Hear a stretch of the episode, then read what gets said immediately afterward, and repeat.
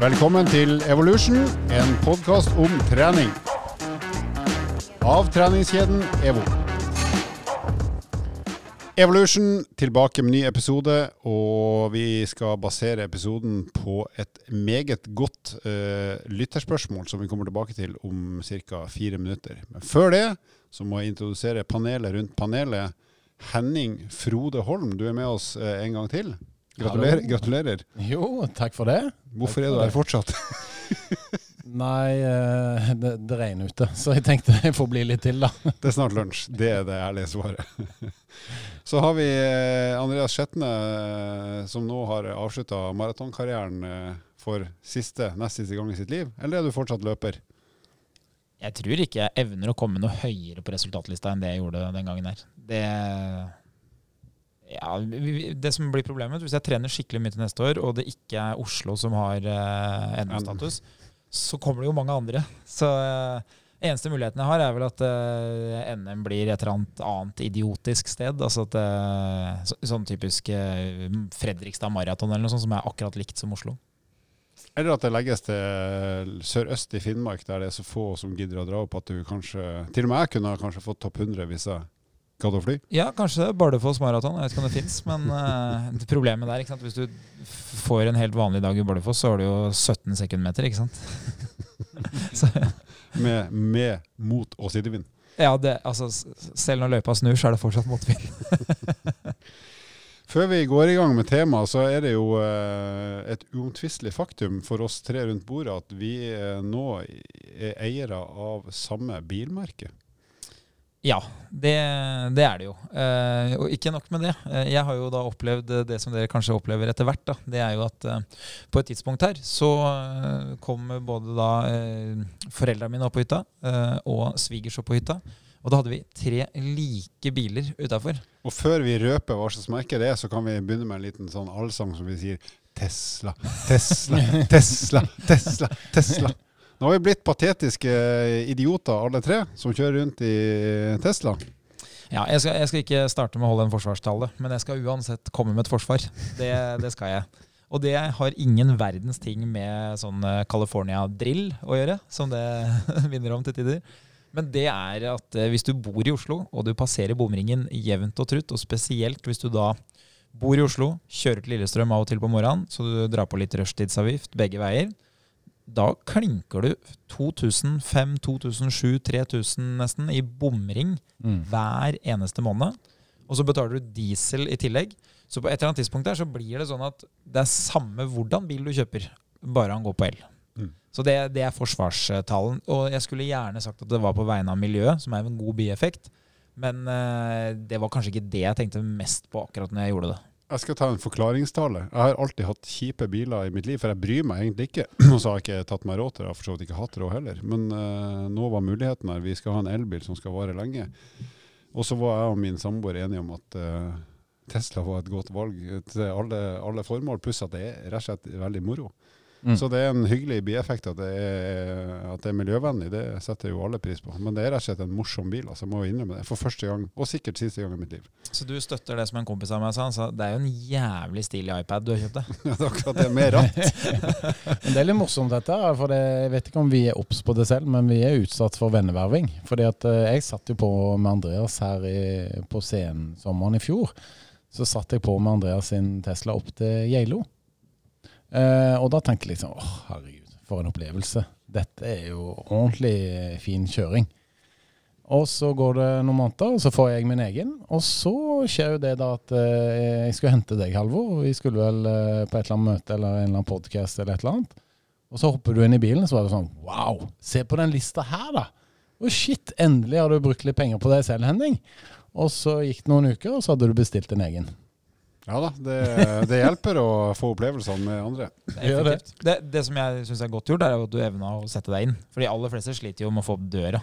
Det er jo, det er jo en Jeg har sett det på YouTube før jeg prøvde. Ja. Men det er jo klart, man har jo mange elbiler. Man kunne jo valgt hva som helst. Men uh, det er jo ikke noe hemmelighet at uh, per nå så har jo i hvert fall Tesla klart å skape lang rekkevidde og en moderat pris. Så det ser ja. jo kanskje mer fancy ut enn hva valget egentlig er. Det er jo uh, mest mulig for minst mulig. Ja, så for, vårt behov, som da fortsatt har tre drittunger med mye ski og tjafs som skal transporteres, så var det faktisk det ja, Ikke det billigste, men det er totalt sett kanskje beste alternativ hvis vi tenker ti år. Og så har vi hatt elbil i elleve år allerede, vi. Så vi har jo prøvd mye annet som ikke er så kult, men som er like miljøvennlig, men mindre kult. Elleve år. Er det deg? Elleve år. Elleve år Laustad? Vi hadde faktisk første generasjon Leaf, vi. Tenk på det. Som eh, vi kjøpte i 2010. Ja, Maple den, Leafs. den har du hatt ganske lenge. Ja, Da. ja, Den måtte vi selge i fjor, men den varte altså i Var det år. med sånn, eh, sånn som det er på de båtene du leier i Syden, som har sånn eh, sklie bak og sånn, var det pedaler? Så, så, Ja, ja, vi tråkka rundt, ja. ja, ja. Med sånn der batteri. Ja, for det var ikke Flintstone. Nei, nei, Det var nei. ikke, det var ikke, nei, det var ikke noe som det. løp du Nei, det var sånn pedalbåt, ja. Dette er en elbil. Med ratt.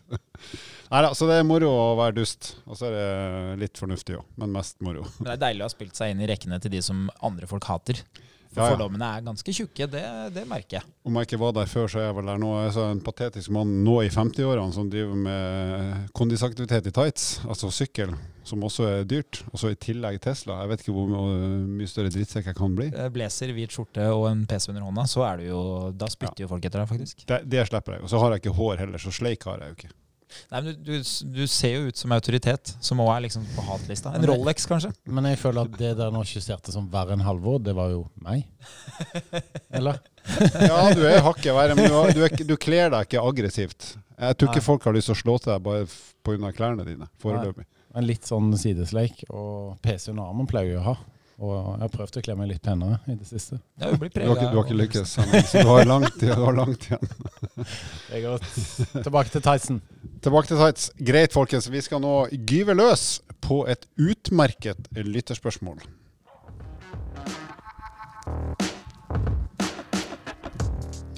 Og det lytterspørsmålet her det handler i korte trekk om fettforbrenning og muskelmasse. Så skal jeg lese opp store deler av e-posten, men uten å nevne navn. Uh, hei. Som PT og tidligere norgesmester i fitness har jeg en diskusjon angående fettforbrenning i fitness, fitnessmiljøet. På diett er det flere som insisterer på at for å fjerne fett må du bruke fett, altså trene på så lav intensitet at det er fett som brukes som energikilde. Dermed får fitnessutøvere beskjed om at man skal gå som treningsform for å bli kvitt fettet. Jeg har lært gjennom eh, diverse studier at det er det totale energiforbruket som spiller størst rolle når man skal ned i vekt. Jeg vil heller løpe i 30 minutter enn å gå i 60 minutter dersom målet er å gå ned i vekt. Jeg liker løping og liker tanken på at jeg også får gunstige fordeler i forhold til hjerte og lunge når jeg løper fremfor å gå. Og Dette er jo da et menneske som er i form til å løpe og kan velge det.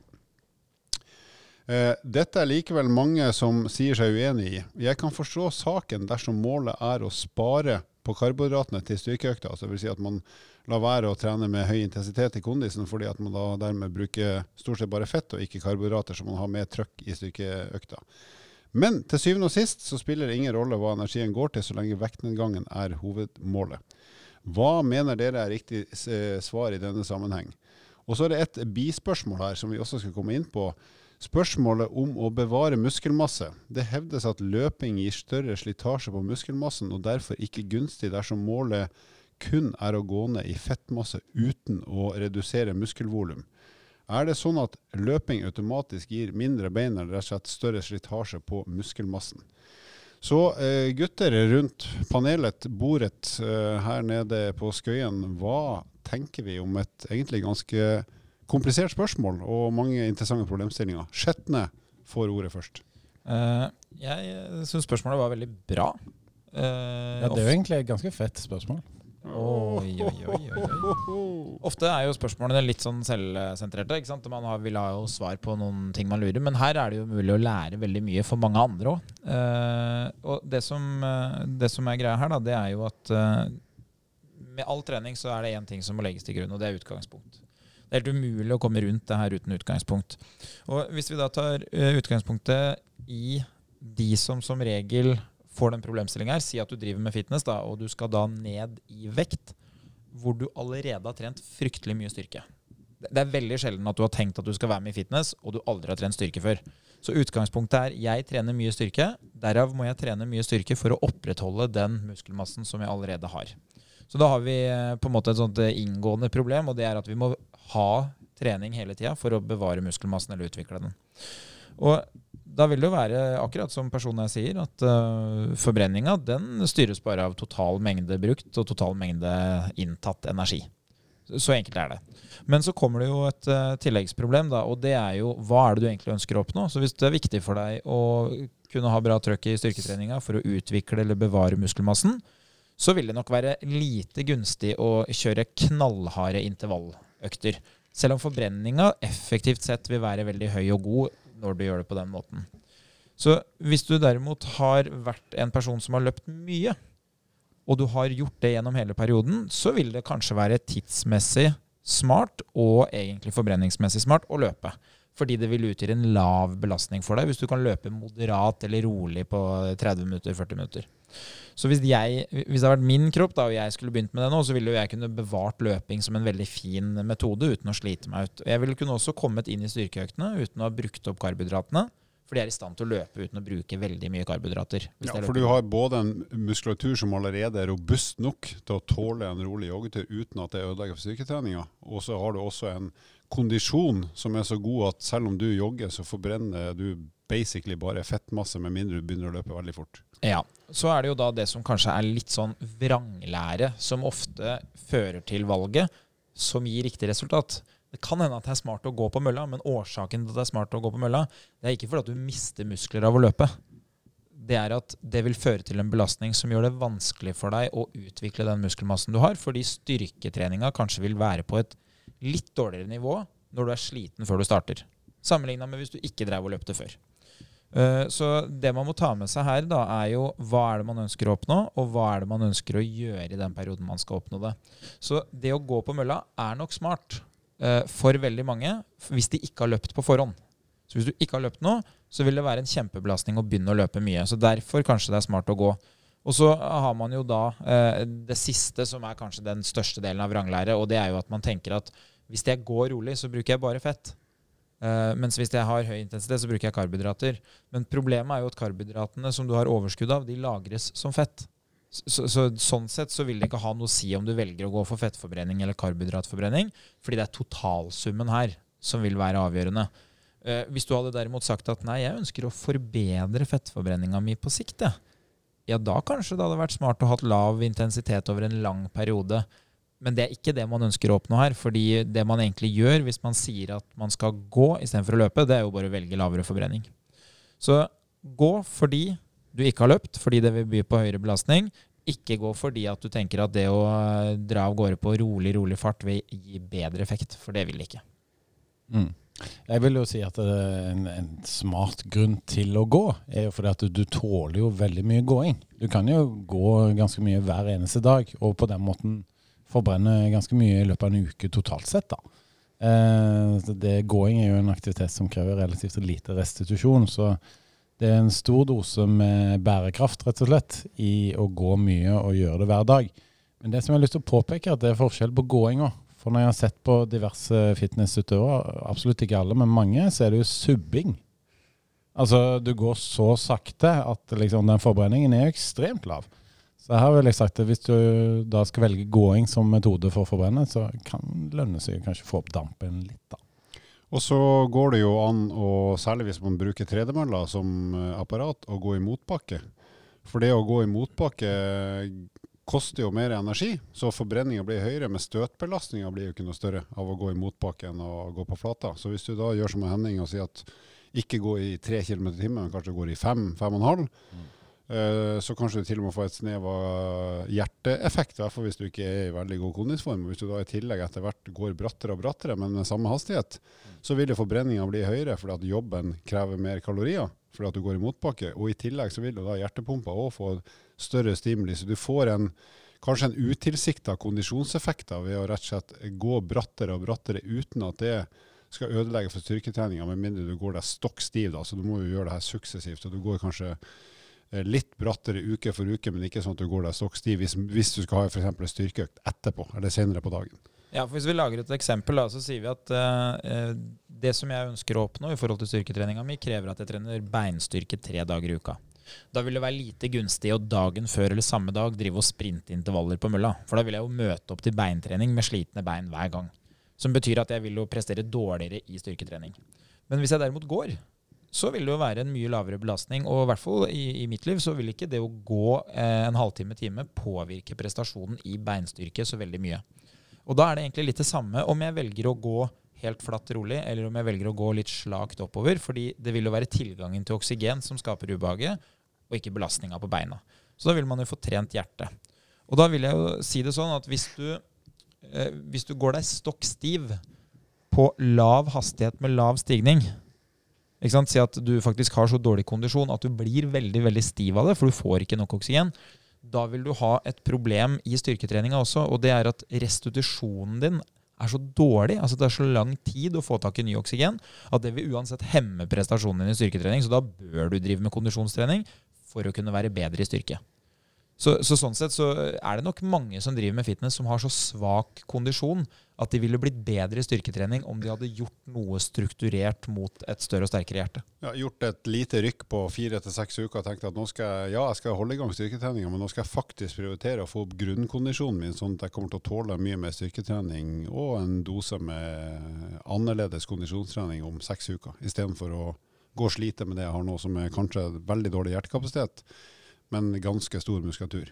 Og så er det en, en utfordring i, i styrketreningsverden og, og, generelt på treningssenter og sånn, og det er at i, i, veldig lang tid så har det vært viktigere hvem som sa det, enn hva som ble sagt.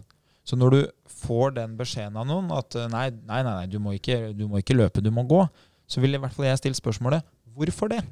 Og hvis vedkommende ikke klarer på en uh, god pedagogisk måte å forklare deg hvorfor det er smart, så er det ikke sikkert at det er smart. Nei, det, de, de uttalelsene kommer veldig ofte på, basert på egen erfaring. Ikke sant? Jeg gjorde det sånn, det funka, og så sto jeg på scenen, og så ble det bra resultat. Men spørsmålet er jo da, hva hvis du hadde gjort det på den andre metoden?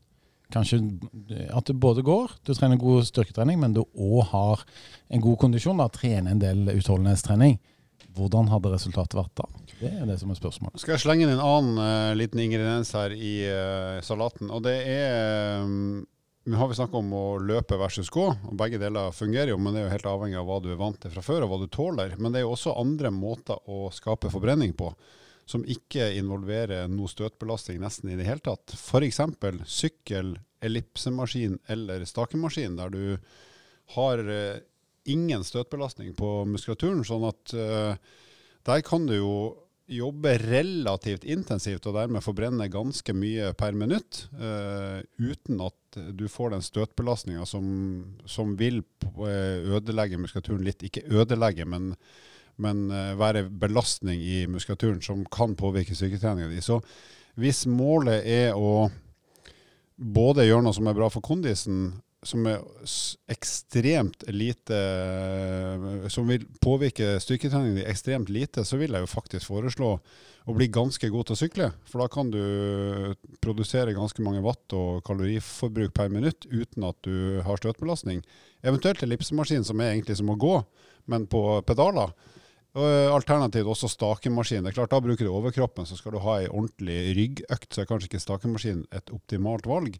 Men da sparer du beina, for det er bare så vidt en liten opp- og nedbevegelse. Så det er mulig å forbrenne ganske mye og samtidig spare beina og muskulaturen i veldig stor grad.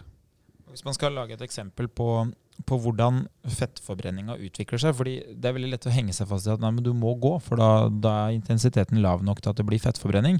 Men fettforbrenninga endrer seg jo i takt med hvor bra form du er.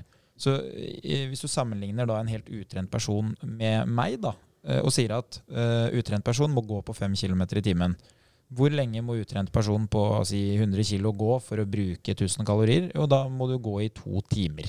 Det vil mattestykket vise.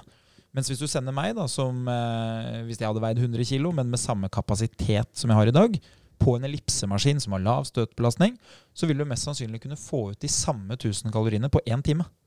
Og det er fortsatt bare fettforbrenning. Det bruker ikke opp karbohydratene fordi kapasiteten er god nok til at jeg kan holde på med en intensitet som gir så høy forbrenning. Men jeg har også veldig mye reserve fordi at jeg egentlig kunne holdt høyere intensitet. Ja, så Eksemplifisert på en, på en annen måte. Det Andreas sier nå, er jo at hvis du har god kondisjon, så kan du jo gjøre veldig mye Du kan, en, du kan holde høy fart da, hvis du tenker jog, gå, jogge, løp. Så kan du holde høy fart uten at det er noe slitsomt for deg. Sånn at uh, Hvis vi tar Andreas, la oss si at du er fitnessutøver selv om du ikke har leggene til det, og ikke lårene heller. Du har egentlig bare kasse og litt triceps. Men, uh, så du hadde nok ikke kommet Du hadde blitt nummer 23 der òg, av 23. Akkurat som i maraton. Ja, fettprosenten. ja, det var fett. Det. Men la oss si at vi har han Andreas, og så har vi en som er like tung, som er ikke nødvendigvis fitnessutøver, da, men en som er i, dårlig kondisform. Så når Andreas skal ha ei fett, fettforbrenningsøkt, som da typisk er veldig lav intensitet, la oss si 50% av makspuls, da, som er super Altså det er så vidt du blir andpusten. Da hadde Andreas jogga rundt i 10-11 km i timen, tenker jeg, siden en times tid, og da hadde du brukt Men de er vekk nå, så hadde du vel brukt en sånn 80, ja, 800 kalorier på det. Mens den andre personen som er i dårlig kondisform, kan godt være at vedkommende er sterk av muskelmasse, men når den personen skal ha en fettforbrenningsøkt på rundt 50% av makspuls, så ender det opp med at den personen går i kanskje 4 km i timen. Andreas har da et uh, kaloriforbruk på rundt 800, og den personen her har 300-350 kanskje. Akkurat like tungt i forhold til egen form og forutsetninger, men det er et helt annet forbrenningsutbytte, fordi at kondisjonen er så utrolig mye bedre hos den som er i, i god kondisform, sammenlignet med den som kanskje i gåsehudene bare er sterk, eller kanskje ikke det engang. Ja, og der må jeg jo si at det, det her stuntet som vi gjorde for et par år siden nå, med 5000 kalori challenge, der løper jo jeg på 11 km i timen i fem timer. Uh, for å forbrenne disse 5000 kaloriene, og jeg følte meg jo helt fin etterpå. Jeg eh, Du løpt, svetta jo ikke engang. nei, jeg har løpt mye rolig. Så det var jo ingen problem. Jeg kunne kjørt eh, veldig tøff brystøkt, da, styrketrening, samme kveld. Det hadde ikke vært noe problem.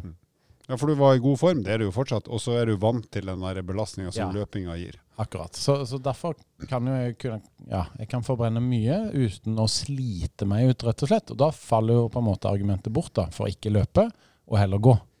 Ja, så Det smarte, langsiktige valget er jo hvis man ønsker da å få opp kalle fettforbrenningsevne. og si at det er det som er det viktige. da. Hvis du driver med fitness eller skal ta vare på muskelmassen og likevel gå ned i fettmasse. Så er det å bruke noen uker på å bygge opp kondisjonen litt igjen, for sånn er bedre enn før, så du tåler litt eh, At du rett og slett kan gjøre mer i kondistreninga uten at du blir sliten. Og er du redd for støtbelastninga skal påvirke muskulaturen negativt i styrketreninga, så kan du av og til sykle, av og til gå i motbakke, av og til gå på ellipsemaskin. Eh, skal du trene beinøkt, så kanskje du bruker stakemaskin da, for å spare beina totalt eh, de dagene du gjør det. Så hvis du har et sett med bevegelsesformer der du har såpass god kapasitet at du kan egentlig trene rolig, men likevel forbrenne mye, så, er det jo, så kan du egentlig tilpasse den der cardio-delen av eh, fitnesstreninga di til hva du skal gjøre i dag og i morgen av styrketrening.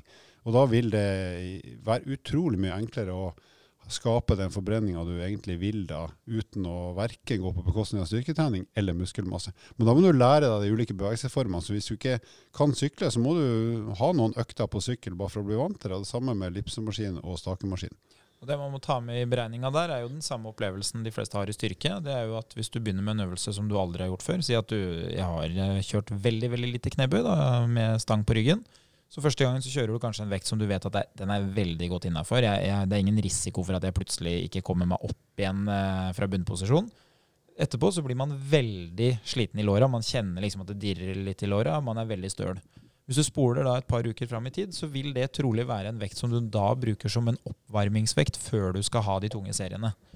Og hvis du da hadde gitt deg etter oppvarmingsvekta før du kommer inn til de tunge seriene, så hadde du vært veldig lite prega. Vært veldig lite som eh, hadde hengt igjen av det du har gjort. Og sånn er det jo egentlig med kondisjonen og belastninga av øvelsen òg. Så hvis du da hadde kunne hatt en kondisjon som er god, så vil du kunne holde på på en litt høyere eh, intensitet, et litt høyere nivå, selv om du egentlig holder på med noe som er mye tøffere enn det du drev på med når du gikk i starten. Så fordelen av å komme i form er jo at du får lov å gjøre veldig mye uten at det er veldig belastende for kroppen. Mm. Og da sparer du i sum tid også, da. Hvis du tenker at kardiodelen, hvis du driver med fitness, da, så, så er jo ikke kondisjonsdelen sikkert det de fleste elsker mest. Men da, med litt bedre form, så bruker du mindre tid på det du på en måte i gåseøynene må gjøre for å på en måte regulere fettmasse og kroppsvekst og de tingene der. Og så har du mer tid til å hvile og mer trøkk i styrketreninga. Enig, Henning? Veldig bra. Skal du stille fitness, du? Nei, jeg har nok ingen planer om det. Det er mer eh, allround aktivitet, tenker jeg. Både styrke, sykkel og løping. Det, Skjøtt med fitness? Uh, nei, det, det skal jeg ikke. Uh, og det er en enkel grunn til at jeg ikke skal stille fitness. Uh, Det er at jeg er generelt veldig lite fan av øvelser som har subjektiv bedømmelse som prestasjon. Og derfor så syns jeg også skihopp det er stilkarakter. Ikke sant? Stilkarakterer hvor det er en litt sliten tysker som skal avgjøre om du vinner eller ikke.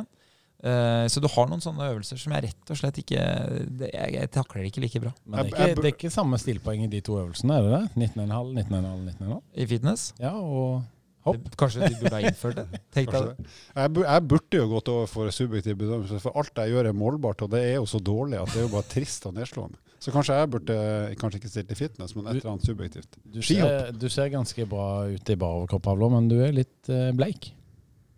Hva skal vi gjøre da? Jeg kan bruke selvbruningskrem, kanskje. Ja, altså De aller fleste bruker en helt annen metode, og det er jo at de er i sola. Men uh, du må gjerne bruke selvbruning. Jeg er mye i sola, men jeg er påkledd.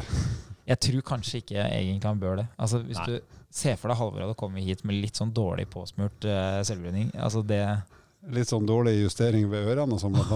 Det er ikke stilig. Og så sånn eh, Du har tatt i ansiktet, men du har ikke vaska hendene etterpå, så du har sånn brunfarge mellom fingrene. Ja, det, er- Nei.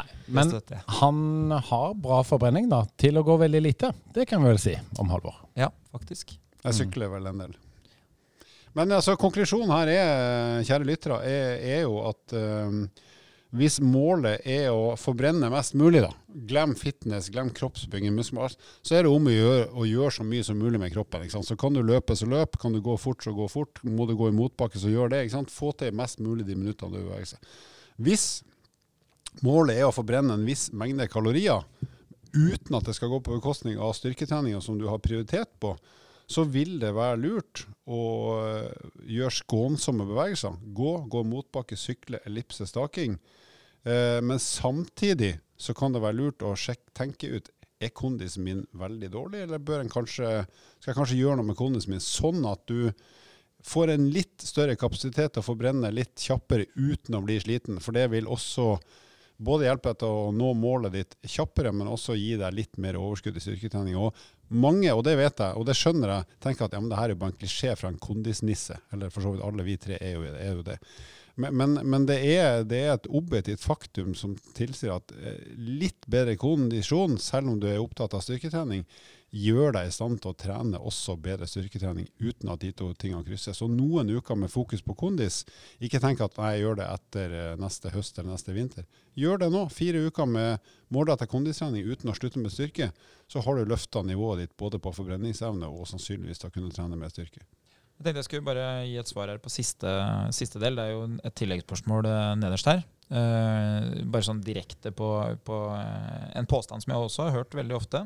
Uh, Innledninga er jo at uh, Det hevdes jo at løping gir større slitasje på muskelmassen, som er sant, sammenligna med å gå. Det, det, det Ja. gjør det. Eller med modifikasjon. Det gir mindre slitasje på min muskulatur å løpe sakte enn det vil gjøre på en helt utrent person som må gå. Så, så det handler om utgangspunkt her òg. Eh, og eh, Påstanden er jo da at det derfor ikke er gunstig dersom målet er å få ned fettmassen uten at muskelvolumet går ned. Og det er sånn at Hvis du bevarer samme styrketrening, altså at du gjør det samme på styrketrening, at det er like tungt eller tyngre, så vil ikke muskelvolumet gå ned. Fordi kravet du stiller til muskelmassen, er at det må opprettholdes eller forbedres. Og så er det det siste da, er, jo, er det sånn at løping automatisk gir mindre bein. Og Det er jo noe man ofte tror, men hvis du tar utrente mennesker og får de til å løpe, så får de faktisk mer muskler. For det er jo en kjempejobb å bære kroppsvekta med en svevfase. Så, så de aller, aller fleste vanlige mennesker ville fått mer muskler i beina. Men det som ofte skjer, det er jo at hvis du har trent mye styrke og begynner å løpe, hvis du ikke har kontroll på treningsloggen din, så vil du se at du gjør faktisk mindre styrketrening, du gjør lettere styrketrening. Det er jo det som gjør Mm. at du får mindre bein, ikke at du har begynt å løpe. Ja, så det Poenget du innleda siste punkt med der, var jo at så lenge du opprettholder den styrketreninga som har gitt deg et visst muskelvolum, og for så vidt styrke, så vil du ikke, høyst sannsynlig ikke miste noe muskelmasse selv om du begynner å løpe. Men hvis løpinga eller andre ting forårsaker at du gjør mindre styrketrening før, da vil jo volumet bli lavere uansett. Ja, og det store problemet er jo at hvis du kommer fra tre-fire dager med beinstyrketrening i uka, så vil det kanskje ikke være mulig å opprettholde det eh, belastningsvalget som du har gjort der, da, med løping i tillegg. Så du har på en måte sagt at nei, det, det går ikke an å få løpt ordentlig her samtidig som jeg skal fortsette å trene så mye bein. Men det gjelder heldigvis veldig få. De aller fleste kan trene mer styrke og mer kondisjon samtidig. Ja. Ja. Du, alter, ja, og alternativet da er jo da hvis du ikke, ikke løper, men bruker ellipse, staking, sykling f.eks. For, eksempel, for å skåne muskulaturen. Ja, jeg tror litt sånn oppsummeringsmessig er at eh, det er veldig mange sånn etablerte metoder som sitter veldig sånn Ja, Ja, de, det er de som brukes i miljøet, da. Eh, men at det finnes en del kreative muligheter hvis du har lyst til å trene på en eh, annen måte, rett og slett. Ja, og Vær litt nysgjerrig, så prøv, prøv noe annet da. I fire uker, gi det en sjanse. Selv om man kan være skeptisk av ulike årsaker, så er det jo alltid greit å gi det en sjanse og se kan det her stemme for meg òg, hvis det stemmer for veldig mange andre. Ja, og det skader aldri å ha et eh, sterkt hjerte og ha en kondisjon som kan ta deg både raskt og langt. Mitt uh, siste tips er jo det samme som jeg sier til studentene. Det er hvis du hører ting som du er usikker på at stemmer eller ikke, still spørsmålet hvorfor. Da får du svaret. Og hvis den som da forteller deg påstanden, ikke kan komme med hvorfor, så er det ikke sikkert at påstanden er riktig. Hvis den som har påstanden sin bare sier 'derfor', da, er det godkjent svar? Ja, det gjør som meg, bli som meg er jo en veldig god strategi å Bare fordi. Bare fordi. Ikke sant? Hvorfor Da, det? da skal vi avslutte med det de pleier å si i sentrum av Zürich når de tar farvel, nemlig Auf Wiedersehen. Vil du vite mer om trening, abonner på podkasten og sjekk ut vårt treningsmagasin på evo.no.